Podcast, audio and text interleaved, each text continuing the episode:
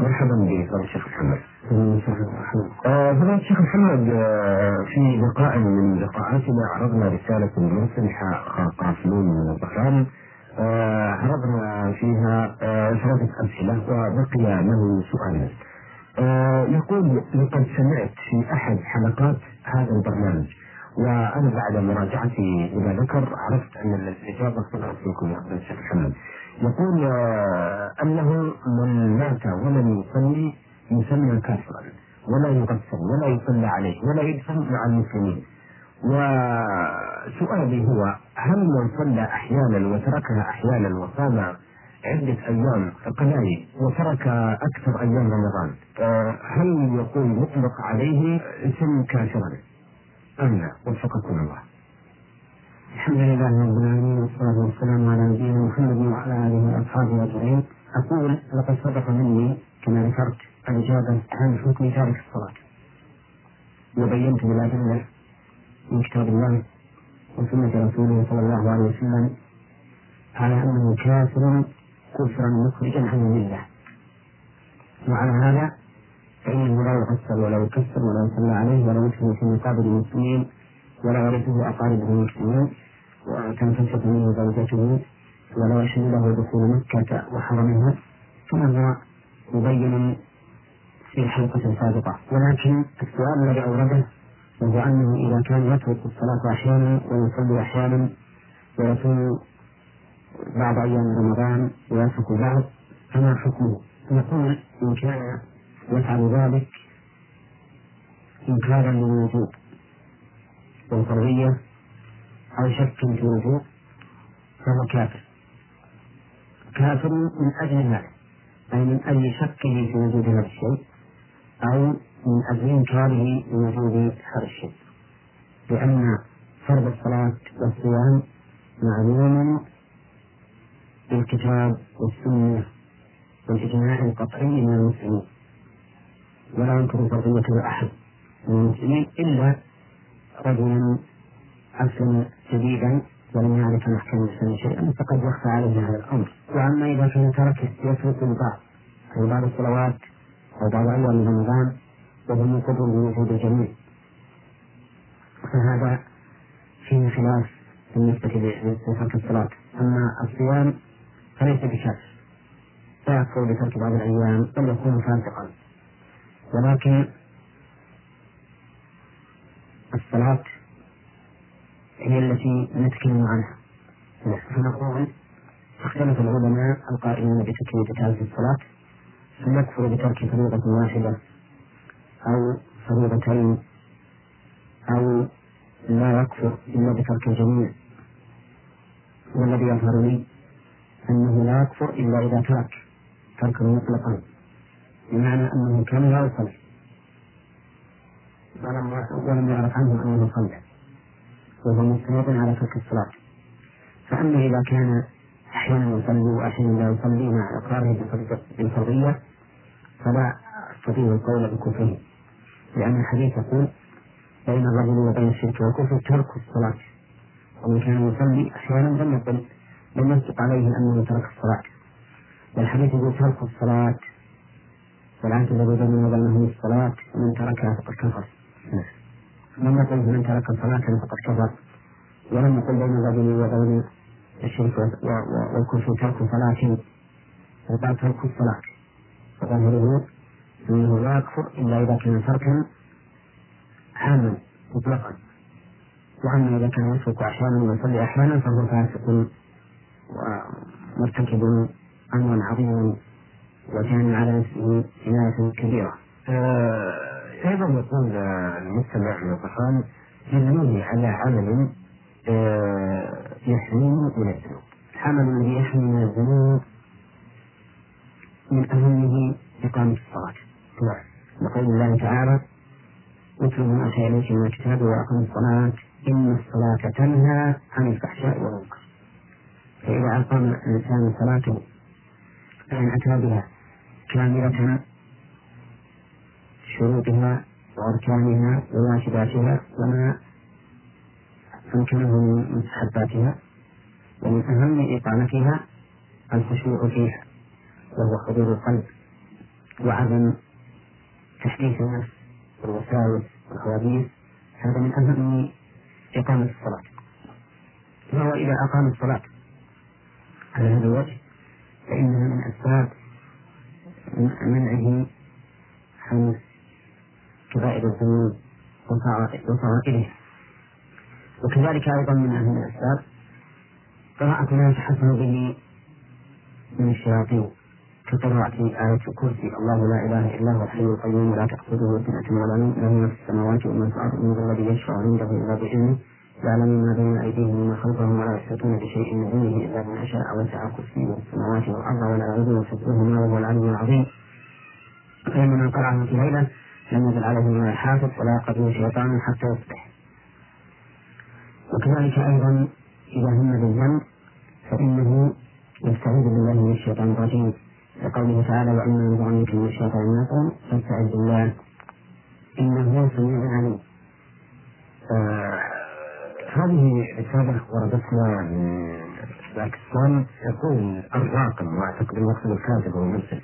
الراقم الآدم المولوي غلام الأصفياء من باكستان بلدة ميانة كونيا والكجرات. يقول باسمه سبحانه وتعالى من تعريف الشرك جامعا ومانعا وما كانوا يشركون كفار مكة وهو الشرك الأعظم. لأني تعمقت في القرآن والأحاديث فعلمت أنهم ما كانوا يستعينون من الأصنام وما كانوا يلجؤون في الاضطرار إلا إلى الله كما جاء في القرآن. يقول بل كانوا يعترفون بأن الله هو الخالق والرازق والمنجي والمجيب المضطر والمحيي والمميت ومدبر الأمر والمالك كما هو الظاهر من تلبيتهم لا شريك لا, لا شريك إلا شريكا هو لك تملكه وما ملك وهذه الآية كل بيده ملكوت كل شيء. آه، أفتوني جزاكم الله. وما هو آه، كفر قريش. الجواب على هذا أولا قول الأخ الكاتب أو الراقي يكفيه تعالى هذا خلاف السنة. نعم فإن السنة أن يقول الإنسان بسم الله باسم مظهر نعم صادق ضمير وهذه سنة النبي صلى الله عليه وسلم ومن قبله من الأنبياء. قال الله تبارك وتعالى عن كتاب سليمان إلى ملكة سبع إنه سليمان وإنه بسم الله الرحمن الرحيم. وكان النبي صلى الله عليه وسلم إذا كتب إلى الملوك يدعوهم إلى الله يبدأ بقوله بسم الله الرحمن الرحيم. أما الاسم المضمر فإنه لا يدل على اسم الله تبارك وتعالى إلا من كان يعرف أن ابتداء الأمور بسم الله. فقد يعرف أن هذا الضمير يرجع إلى الله تبارك وتعالى. نعم. وعلى كل حال الضمير مبهم. يحتاج إلى معرفة مرجعه. فلا ينبغي أن يستعمل في مقام الإظهار. لا سيما وأنه على خلاف السنة. الواردة عن النبي عليه الصلاة والسلام. أما بالنسبة للشرك المشركين الذين بعث فيهم النبي صلى الله عليه وسلم فإنه ليس شركا في الربوبية. نعم. لأن القرآن يدل على أنهم إنما كانوا يشركون في العبادة فقط. أما في الربوبية فيؤمنون بأن الله وحده هو الرب وأنه يجيب دعوة المضطرين وأنه هو الذي يكشف السوء. إلى غير ذلك مما ذكر الله تبارك وتعالى عنهم من إقرارهم بربوبية الله عز وجل وحده. نعم. ولكن هم كانوا مشركين بالعبادة. يعبدون غير الله معه وهذا شرك مخرج عن الله. لأن التوحيد هو عبارة حسب دلالة الله. جعل الشيء واحدا. والله تبارك وتعالى له حقوق. يجب أن يفرد بها. وهذه الحقوق تنقسم إلى ثلاثة أقسام أحدها حقوق ملك والثاني حقوق عبادة والثالث حقوق أسماء وصفات ولهذا قسم العلماء التوحيد إلى ثلاثة أقسام نعم توحيد الربوبية وتوحيد الأسماء والصفات وتوحيد العبادة. فأما توحيد الربوبية فهو إفراد الله تبارك وتعالى بالخلق والأمر. كما قال الله تعالى له الخلق والأمر. نعم.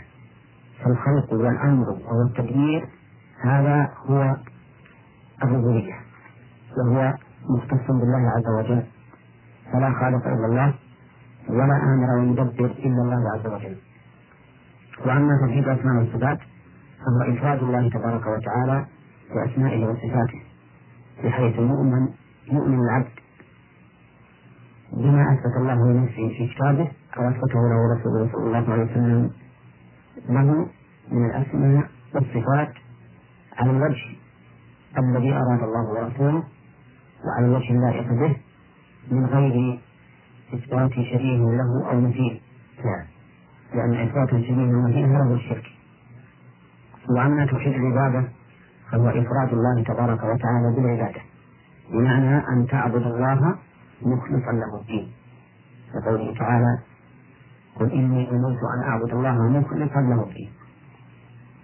فالمشركون إنما أشركوا في هذا القسم قسم العبادة حيث كانوا يعبدون مع الله غيره وقد قال الله تبارك وتعالى واعبدوا الله ولا تشركوا به شيئا أي في عبادته. نعم. وقال تعالى إنه من يشرك بالله فقد حرم الله عليه الجنة وما له النار وما للظالمين من أنصار. وقال تعالى إن الله لا يغفر يشرك به ويغفر ما دون ذلك لمن يشاء. وقال تعالى وقال ربكم ادعوني أستجب لكم. إن الذين يستكبرون عن عبادتي سيدخلون جهنم داخلين. وقال تعالى في سورة الإخلاص قل يا أيها الكافرون لا أعبد ما تعبدون ولا أنتم عابدون ما أعبد ولا أنا عابد ما عبدتم ولا أنتم عابدون ما أعبد لكم دينكم ولي دين. وقوله في سورة الإخلاص يعني إخلاص العمل. فهو سورة الإخلاص إخلاص العمل. وإن كانت تسمى بسورة الكافرون لكن الحقيقة هي سورة إخلاص العمل. كما أن سورة قل الله أحد سورة إخلاص علم وعقيدة. نعم. الحاصل أن هؤلاء المشركون الذين بعث بهم الرسول عليه الصلاة والسلام وإن كانوا لا يستعينون إلا بالله ولا يستغيثون إلا به ولا ولا يقولون بأن أحدا خالق سوى الله عز وجل. لكنه آه، نقول إنهم كانوا مشركين من أجل إشراكهم في العبادة. نعم. آه، إذا آه، على حسب ما فهمنا من كلامكم الشيخ أنهم لا لا يشركون مثل عبادته فقط. لكن طيب اعتراضهم على الرسول صلى الله عليه وسلم لما أراد أن يكتب بسم الله الرحمن الرحيم. نعم. في هذا في اعتراض على توحيد الأسماء والصفات؟ نعم فيه فيه اعتراض على على توحيد الأسماء والصفات نعم. لكنهم لا ينكرونها كلية نعم. مثل ما يفعلون في العبادة. نعم. يعني ينكرون ببعض الأسماء وينكرون ببعض فالحقيقة أن هذا إنكار بعض الأسماء والصفات يعتبر كإنكار الجميع نعم لأنه لا يمكن لأحد أن يقر بشيء ويكفر بمثله إلا كان كافرا بالجميع. في رسالته تحية وتقدير لمقدم هذا البرنامج وللعلماء وفقهم الله لما يحبه ويرضى. السلام عليكم ورحمة الله وبركاته وبعد.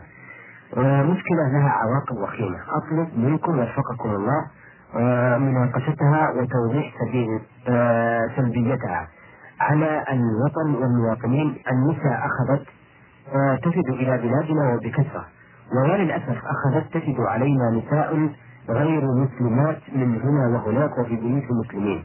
ويربين أولادنا وهؤلاء يا فضيلة الشيخ يشكلون بدورهم آثارا لا تخفى على المسلمين ولا سيما أنهم يكرهون الإسلام ويبطلون الكراهية للمسلمين. بحيث أن اختلاطهم معنا فيه خطر علينا وعلى أولادنا وشبابنا. فنرجو النصح والتوضيح للمواطنين وتحذيرهم من عواقبها. الوخيمة وفقكم الله. الحمد لله رب العالمين والصلاة والسلام على نبينا محمد وعلى آله وأصحابه أجمعين. هذا السؤال الذي ذكره الأخ هو من الأمور التي وقع فيها كثير من الناس في جلب الخدم من ذكور وإناث وفي الحقيقة أن جلب كلا الصنفين فيه خطر من ناحيتين الناحية الاجتماعية والنواحي الأخلاقية. نعم. أما النواحي الاجتماعية فإن اعتياد الإنسان على الترف وعدم العمل وعدم النسبة في البيت والتكاسل والاتكال على الغير كل هذا عليه خطر نفسي على سلوك الإنسان ونفسيته وفكره لأنه يعتاد الترف والنعيم والتواكل على الغيب نعم. وهذا يؤثر فيه ويبقي في نفسه فراغا عظيما لا يتمتع بحياته في حياته منه. أي بسببه. ولهذا ترى المرأة التي جلبت لها الخادمة تراها فارغة الذهن فارغة الفكر ليست تعمل ولا تتحرك دمها ساكن وطعامها غير هادم وذلك لأنها تبقى كأنها مجنانة في طرف من بيتها تضع يدها كما يقول على خدها لا تتحرك ولا تصل شيئا. وهذا يؤثر عليها نفسيا ويؤثر عليها جسميا هذا من الناحية الاجتماعية. من الناحية الخلقية أن هؤلاء الخدم إذا كن إناثا فإنهن خطر لا على الشباب الذين في البيت بل حتى على رب البيت. وأن الشيطان يجري من ابن الدم نعم. وربما يغريه بامرأة قد لا تكون ذات حسب وجمال ولكن من أجل أنها ممنوعة منه شرعا أو هو ممنوع منها شرعا يزينه الشيطان في قلبه. فيكون ممن زين له سوء عمله رأى حسنا. نسأل الله السلامة. وقد يقول الإنسان إننا ولله الحمد على دين مكين ونعمل على أنفسنا ولكن هذا حديث نفس والإنسان إذا تعرض للفتن فإنه يقع فيها. ولهذا أمر النبي صلى الله عليه وسلم أمر الإنسان إذا سمع بالدجال أن ينأى عنه لأن الرجل قد يأتي ويقول أنا مؤمن أنا لم أصدق بالدجال فلا يزال به وقوعه في الفتن حتى يظنه بسبيل الله. وهكذا أيضا بالنسبة للخدم الوافدين من الذكور. فإن فيه أن يكون الإنسان متكلا على غيره مفضيا بأموره إلى غيره غير مهتم بها مباشرة. وهذا ضرر اجتماعي وبالنسبة للعائلات من بنات وأخوات وزوجات هو أيضا خطر عليهم. لأنه مع الأسف الشديد.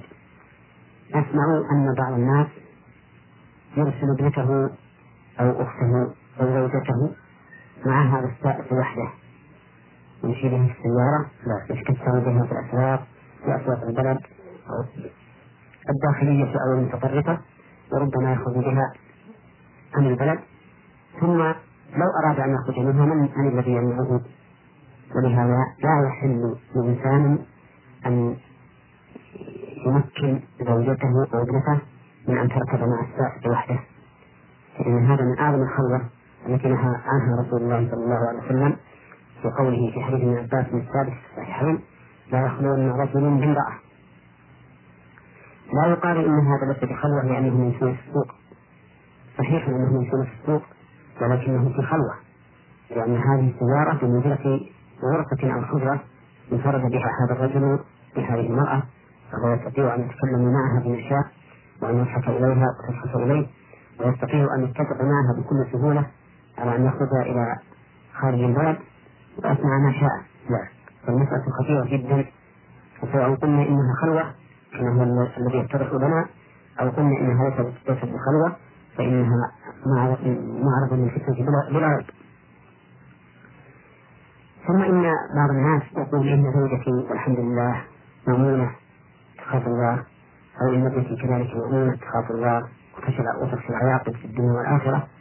يقول مهما كان الأمر فإن الشيطان يجري من ابن آدم مجرى الدم وليس هذا القرن الذي نحن فيه بأفضل من القرن الذي فيه رسول الله صلى الله عليه وسلم.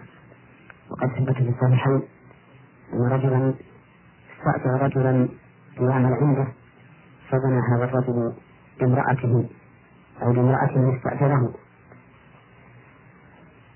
فأخبر والد الرجل أن على ابنه الرجل فابتدى منه بمئة شاة وليدة ثم إنه سأل أهل العلم فأخبروه بأنه بأن على ابنه جلد مئة وتغريب عام لأن هذا الرجل لم يكن قد تزوج.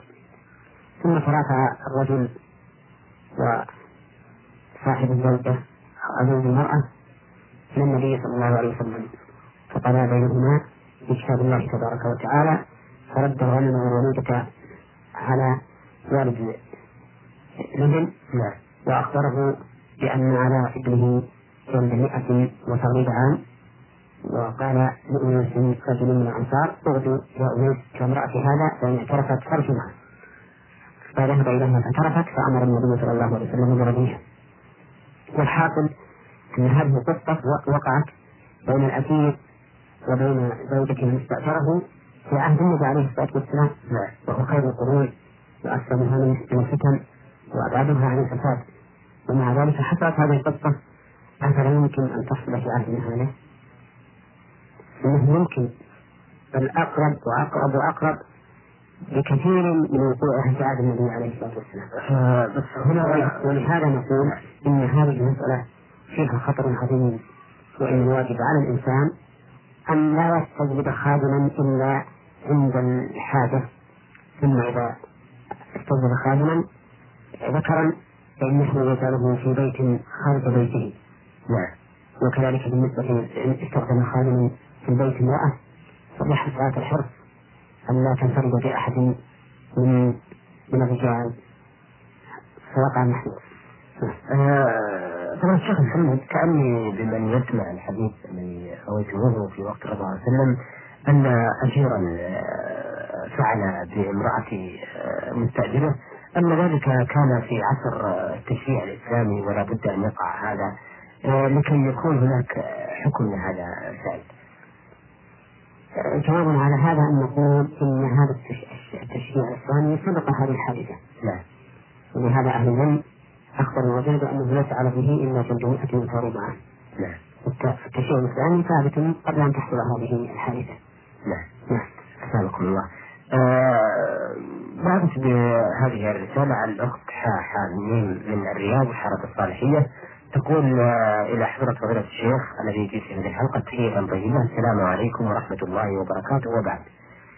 أنا امرأة دام زواجي حوالي ثلاث سنوات ولم أنجب آه، خلالها أطفالا.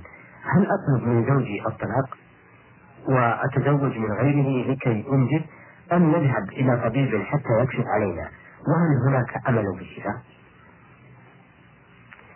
لا يحق لها لا يحق لك أيها السائلة أن تطلبي الزواج قد أن تطلبي الطلاق من زوجك حتى يتبين الأمر لأنه قد يكون ركن منك وقد يكون ركن نعم. فإذا ثبت بطريق صحيح أن الركن منه فحينئذ لك أن تطلبي الفراق والفسخ. على القول الراجح من أقوال العلم. وعند بعض العلماء لا يحق لك لك طلب الفسخ إلا إذا كان ذلك بشرط عند عقد النكاح.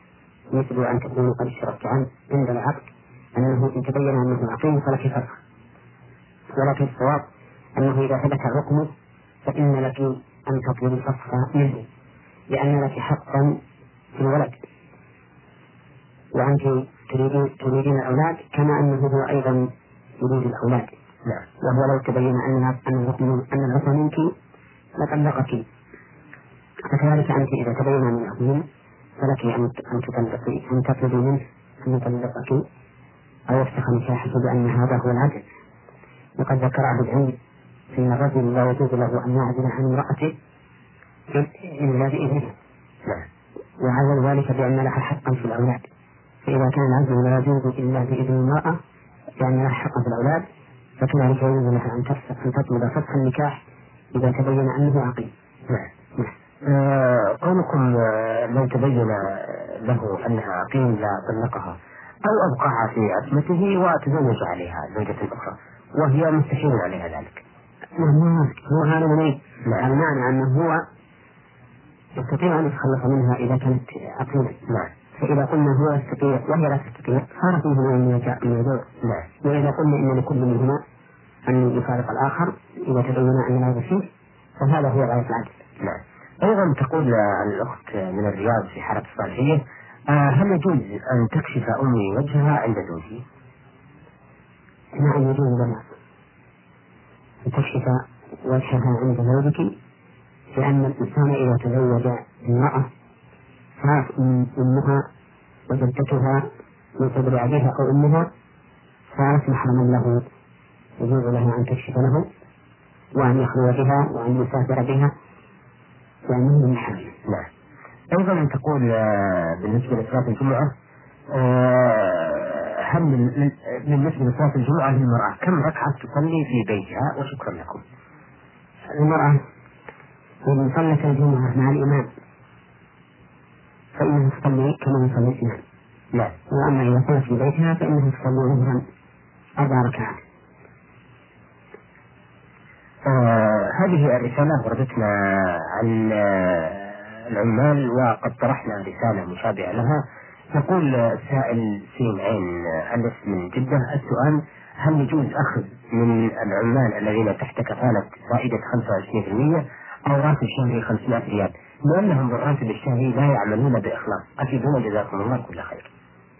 أقول استجلاب العمال من الخارج كان بين هذا المستجلب وبين الحكومة وفقه الله كان على شروط معينة فالواجب عليه أولا مراعاة هذه الشروط لأن الله تبارك وتعالى يقول يا أيها الذين آمنوا أوفوا بالعقود. ويقول تعالى يا أيها الذين آمنوا أطيعوا الله وأطيعوا الرسول وأولي الأمر منكم. ويقول تعالى وأوفوا بالعهد. إن العهد كان مسؤولا فالواجب على من استجلب هؤلاء العمال أن يراعي أولا الشروط الواقعة بينه وبين الحكومة. نعم. ولا يأخذانها. فإذا كانت الحكومة ترضى أن يتعامل العمال الجانب مع هؤلاء العمال كما يريد فإنه لا بأس أن يتفق معهم على نسبة معينة بشرط أن يكون له أثر في هذا العمل الذي اتفق معهم على نسبة معينة فيه. نعم. يعني يكون هو الذي يتقبل الأعمال من الناس وتكون ويكون له تأثير ويكون هو المطالب وهم ممثلون فإذا اتفق معهم في مثل هذه الحال على شرط معين أي على سهم معين فلا حرج فيه ولكن كما أسلفنا لابد أن يكون ذلك لا يخالف ما اتفق مع الحكومة عليه. نعم. لكن لو أراد أن يعطيهم نسبة على العمل الذي يقومون به في مكانه أو في عمله أعطاهم نسبة حافزا لهم على العمل. ولو أراد أن يعطيه نسبة زائدة عن الأجور التي اتفقنا عليها فلا حرج في ذلك. لأن هذه تعتبر كمكافأة أو مجازاة على نشاطه. يقول في رسالته إلى حضرات فضيلة العلماء سلام الله عليكم ورحمته وبركاته أما بعد فإني أريد منكم أن تفتوني في المسائل المهمة. يقول ما حكم الدخول على بنت عمي أو بنت خالي سواء كانت متزوجة أو غير متزوجة الحمد لله رب العالمين والصلاة والسلام على نبينا محمد وعلى آله وأصحابه أجمعين. الدخول على بنت العم سواء كانت متزوجة أم غير متزوجة إن كان مع خلوة ليس عندهما أحد فهذا حرام ولا يجوز. قول النبي صلى الله عليه وسلم لا يخلون رجل امرأة متفق عليه من حديث ابن عباس رضي الله عنهما. وإن كان معه أحد وأمنت الفتنة ودخل عليها وهي متحجبة غير متبرجة بزينة فلا حرج في ذلك. آه أيضا يقول هل الصلاة تقضى سواء كانت الفرض أو الواجب وهل تقضى في وقتها كمثل فاتتني صلاة المغرب ودخل وقت العشاء ولم أصلي المغرب. فهل يجوز لي أن أصلي العشاء ثم أصلي المغرب بعدها مباشرة أو أصلي المغرب في اليوم الثاني في وقتها بعد الفرض؟ نقول يجب عليك قضاء الصلاة الفريضة إذا فاتتك. لعذر كنسيان ونوم يجب عليك قضاؤها متى زال, ذلك العذر كقول النبي صلى الله عليه وسلم من نام عن صلاة أو نسيها فليصليها إذا ذكرها. لا كفارة لها إلا ذلك. لا. وفي المثال الذي ذكرت أنه فاتتك صلاة المغرب ودخل وقت العشاء تبدأ بصلاة المغرب أولا ثم تصلي العشاء بعدها لأنه لا بد من الترتيب بين الصلوات كما أمر الله تبارك وتعالى به في صلاة المغرب صلى قبل العشاء والفجر يصلى قبل الظهر والظهر تصلى قبل العصر وهكذا. نعم. وأما قولك إن إن تفقيها في وقت في وقت الناس فهذا ليس بصحيح. وإن كان بعض العامة يظنون أن الإنسان إذا فاتته صلوات فإنه يقضي كل صلاة مع نظيرتها من اليوم الثاني. نعم. ولكن هذا جهل. أما صلاة النوافل فإنها تقضى إذا فاتت. وذلك في المؤقتات كالرواتب مع المفروضات إذا فاتت. فإنه قد صح عن النبي صلى الله عليه وسلم في قصة نومه عن صلاة الفجر. أنه صلى الله عليه وسلم صلى ركعتي الفجر ثم صلى الفريضة. نعم. وكذلك الوتر إذا فات بنوم أو مرض أو نحوه. فإنه يقضى في النهار لكنه يقضى غير وتر يقضى شفعا لأن رسول الله صلى الله عليه وسلم كان إذا غلبه نوم أو وجع عن صلاة الوتر صلى في النهار اثنتي عشرة ركعة. فعلى هذا إذا فاتك الوتر بنوم مثل أن كنت أخرت وترك إلى آخر الليل ثم لم تقم. وكان من عادتك أن توتر بثلاث فإنك تصلي الضحى أربع ركعات. لا. لا تصلي ثلاثا لأن الثلاثة إنما كان الحكمة منها أن توتر صلاة الليل وصلاة الليل قد انقضت. وعلى هذا فتقضي أربع ركعات بدلا عن الثلاث كما جاء في الحديث عن النبي صلى الله عليه وسلم. وأما النوافل المطلقة فإنه لا وقت لها حتى نقول إنها تقضى. إذا فات وقتها. وأما نوافل ذوات الأسباب كتحية المسجد وصلاة الكسوف فإنها لا تقضى إذا فات سببها كصلاة الكسوف مثلا إذا زال الكسوف وانجلت الشمس أو القمر فإنها لا تقضى. وكذلك تحية المسجد إذا جلس الإنسان وطال الجلوس فإنه لا يقضيها لأنه لأنها فاتت وقتها. وكذلك سنة الوضوء لو توضأ ثم يصلي ولا ثم وتأخر وقت صلاته فإنه لا يصليها نعم. فتبين بهذا أن الفرائض تقضى بكل حال في الوقت الذي يزول فيه العذر. وكذلك الرواتب المؤقتة بوقت كالوتر وكذلك صلوات النوافل المؤقتة بوقت كالوتر والرواتب. وأما النوافل المطلقة فلا تقضى لأنه لا وقت لها. وإنما يصلي نفلا متى شاء. في غير وقت. النهي وأما النوافل ذوات الأسباب هو القسم الرابع فإنه إذا فاتت أسبابها لا تقضى أيضا لأنها مربوطة بسببها فإذا تأخرت عنه لم تكن فعلت من أجله فلا تقضى. وبهذه المناسبة أود أن أقول إن الصلاة الفائتة تنقسم إلى أقسام منها ما يقضى على صفته نعم. متى زال العذر المانع من أدائه؟ مثل الصلاة الخمس. ومنها ما يقضى لكن يؤتى عنه بدل كالجمعة إذا فاتت فإنها تقضى في وقتها متى زال العذر ويصليها الإنسان ظهرا. يصليها جمعة ومنها ما يقضى في مضي وقته على صفته كصلاة العيد. إذا فاتت للزوال فإنها تقضى في اليوم الثاني في وقت صلاة العيد بالأمس. ومنها ما يقضى متى ذكر لكن لا على صفته كوتر كما أشرنا إليه قريبا. نعم. ومنه ما لا يقضى كذوات الأسباب كما أشرنا إليه أيضا قريبا. نعم.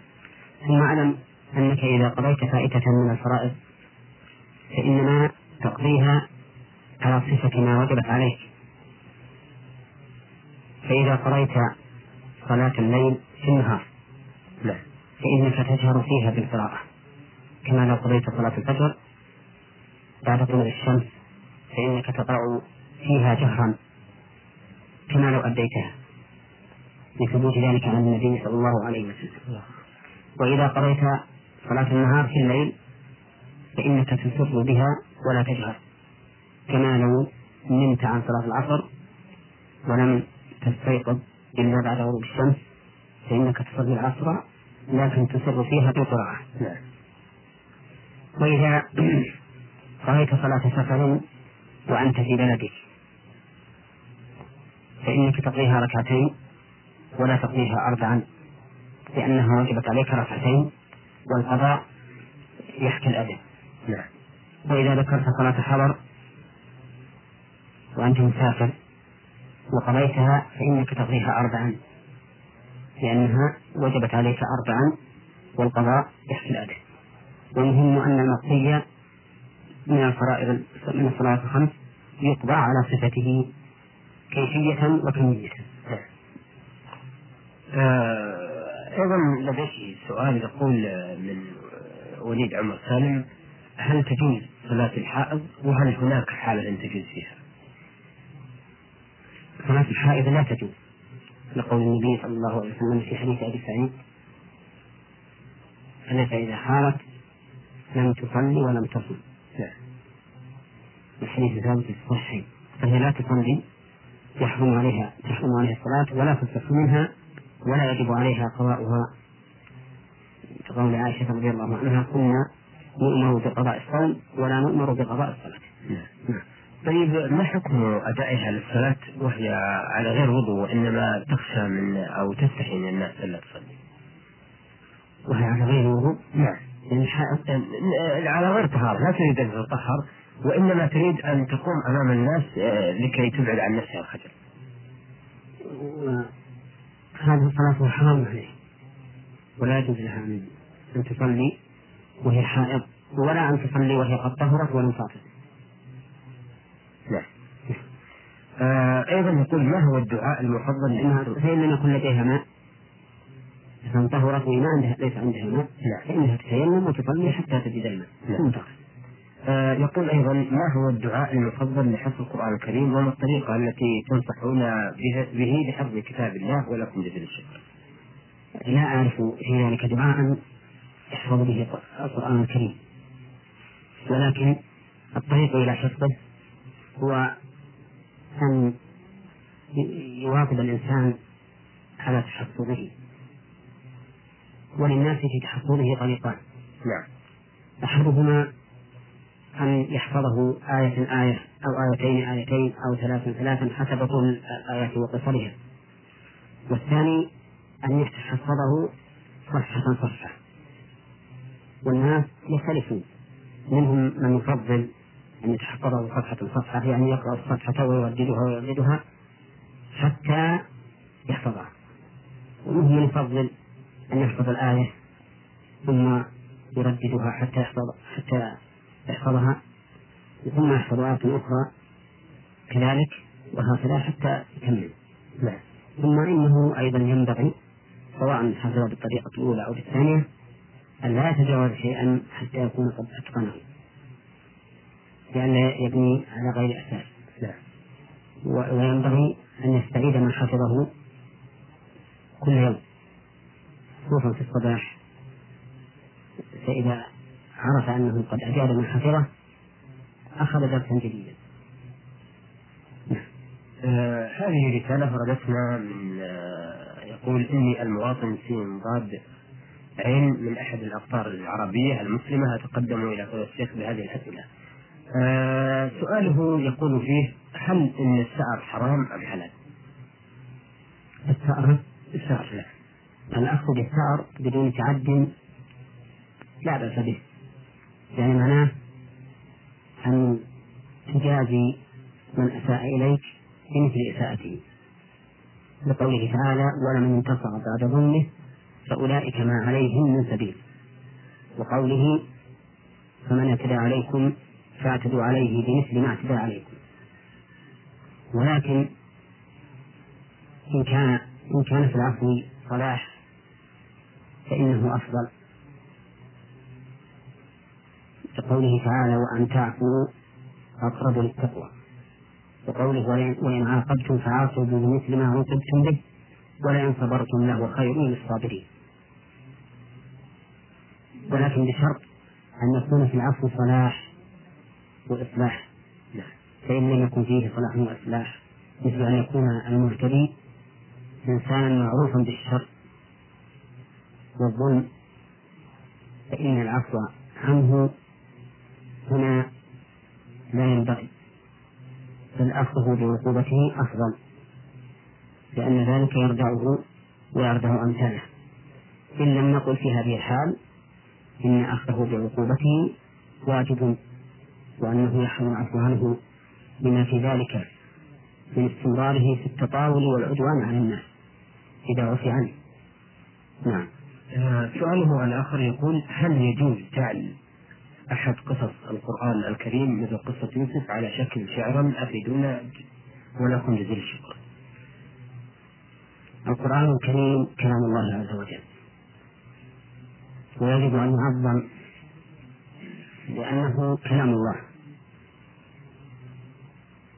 وهو قرآن مجيد وقرآن عظيم وقرآن كريم. فلا يجوز أن يعدل به عن الطريقة التي أنزله الله تعالى عليه. لا سيما تحويله إلى شعر فإن هذا من أعظم المنكرات ومن أعظم الجرأة على الله عز وجل والقرآن إنما نزل للاتعاظ والتذكر ولم ينزل لأن يجعل أغاني وشعرا فمحاولة هذا الشيء من أعظم الجرأة على الله تعالى وأعظم المنكرات وهي حرام بلا شك. بكم على إحدى المستمعات التي تقول هل يجوز الدعاء إلى الله عز وجل والتوسل إليه بجاه الأنبياء أو بعداء أو بجاه عباده الصالحين. بمعنى أن نقول اللهم إنا نسألك بجاه نبيك صلى الله عليه وسلم أن تغفر لنا ذنوبنا. وخلاف ذلك من الدعاء.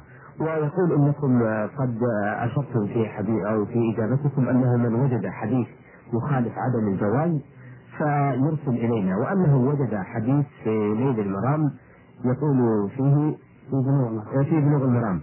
آه، يقول الحديث عن أنس رضي الله عنه أن عمر رضي الله عنه كان إذا قحطوا استسقى بالعباس بن عبد المطلب.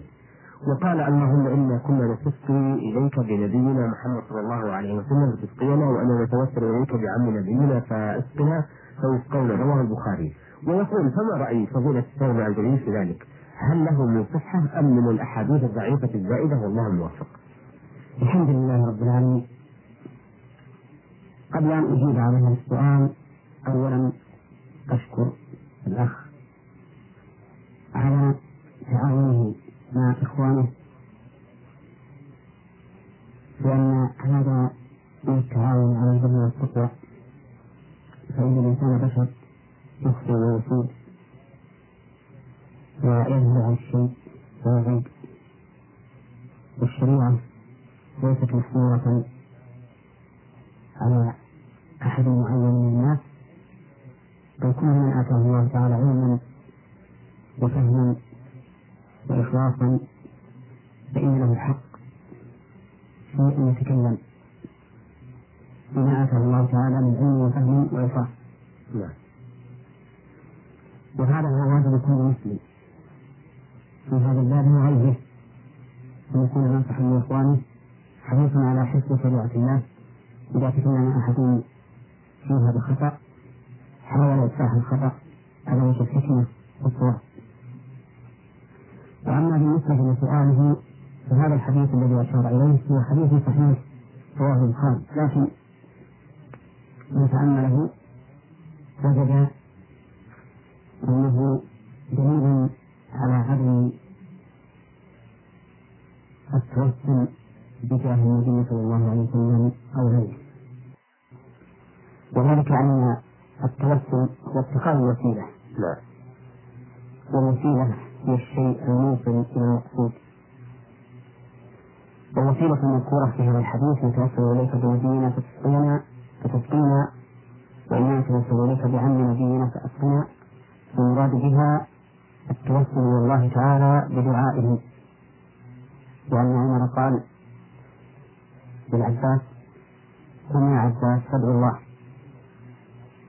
فدعا. ولو كان هذا من باب التوسل بجاه لكان عمر رضي الله عنه يتوسل بجاه النبي صلى الله عليه وسلم قبل أن يتوسل العباس نعم. لأنه بلا شك جاه النبي صلى الله عليه وسلم عند الله. أعظم من جاه العباس وغيره. ولو كان هذا الحديث من باب التوسل بالجاه فكان الأفضل الذي ورد بأمير المؤمنين عمر أن يتوسل بجاه النبي صلى الله عليه وسلم دون جاه العباس دون عبد المطلب. والحاصل أن التوسل إلى الله تعالى بدعاء من يرجى فيه من ترجى فيه إجابة الدعاء لصلاحه لا بأس به. فقد كان الصحابة رضي الله عنهم يتوسلون إلى الله بدعاء النبي صلى الله عليه وسلم لهم. وكذلك أيضا عمر توسل بدعاء العباس بن عبد المطلب رضي الله عنه. فلا بأس إذا رأيت رجلا صالحا حريا بالإجابة بكون طعامه وشرابه وملبسه ومسكنه حلالا وكونه معروفا بالعبادة والتقوى. لا بأس أن تسأل الله تعالى أن تسأله أن يسأل أن يدعو الله لك بما تحب. بشرط أن لا يحصل في ذلك غرور بهذا الشخص. الذي طلبت الذي طلب منه الدعاء. فإن حصل منه غرور بذلك فإنه لا يحل لك أن تقتله وتهلكه بهذا الطلب منه فإن ذلك يضره كما أنني أيضا أقول أن هذا جائز ولكنني لا أحدده وأرى أن الإنسان يسأل الله تعالى لنفسه. أن يجعل له واسطة بينه وبين الله لأن ذلك أسرع في الرجاء وأقرب إلى الخشية كما أني أيضا أرغب في أن الإنسان إذا طلب من أخيه الذي ترجى إجابة دعائه أن يدعو له أن ينوي بذلك الإحسان إليه.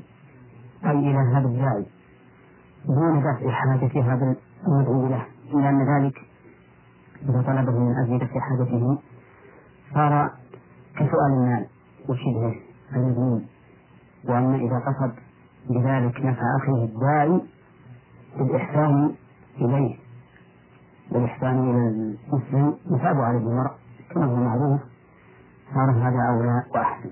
نعم هذا المرسل عبد الرحمن صالح الحربي بعث إلينا بهذه الرسالة يقول آه ما حكم ذبيحة المجنون؟ حيث أنه في قريتنا مجنون وفي أحد الليالي أحضر إلينا لحم بقر فقمنا بطهيه فأكلناه. فهل ذبحه حلال أم حرام؟ أفيدونا جزاكم الله عنا خيرا. ذبح المجنون لا يحل أكل ما ذبحه نعم. أقول إن ذبح المجنون ليس بصحيح. وذلك لأن من شروط الزكاة قصد التزكية والمجنون لا يصح منه القصد كما أنه ربما يفوته التسمية. والتسمية شرط يحل الأكل كقول الله تعالى ولا تأكلوا مما لم يذكر اسم الله عليه. كما أنه ربما يفوته قطع ما يجب قطعه عند الزكاة وهما الوجهان فهما الوجهين وهما الأركان والرمضان اللذان يبرز منهما الدم لا بد من قطعهما في الزكاة نعم.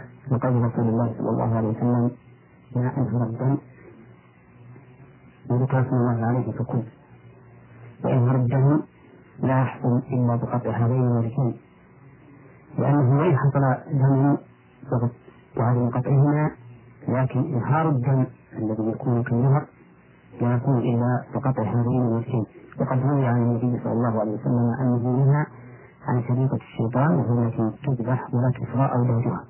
نعم. فأنه فأنه النجوم زكاة فقد منها قطعا قصد التزكية. نعم.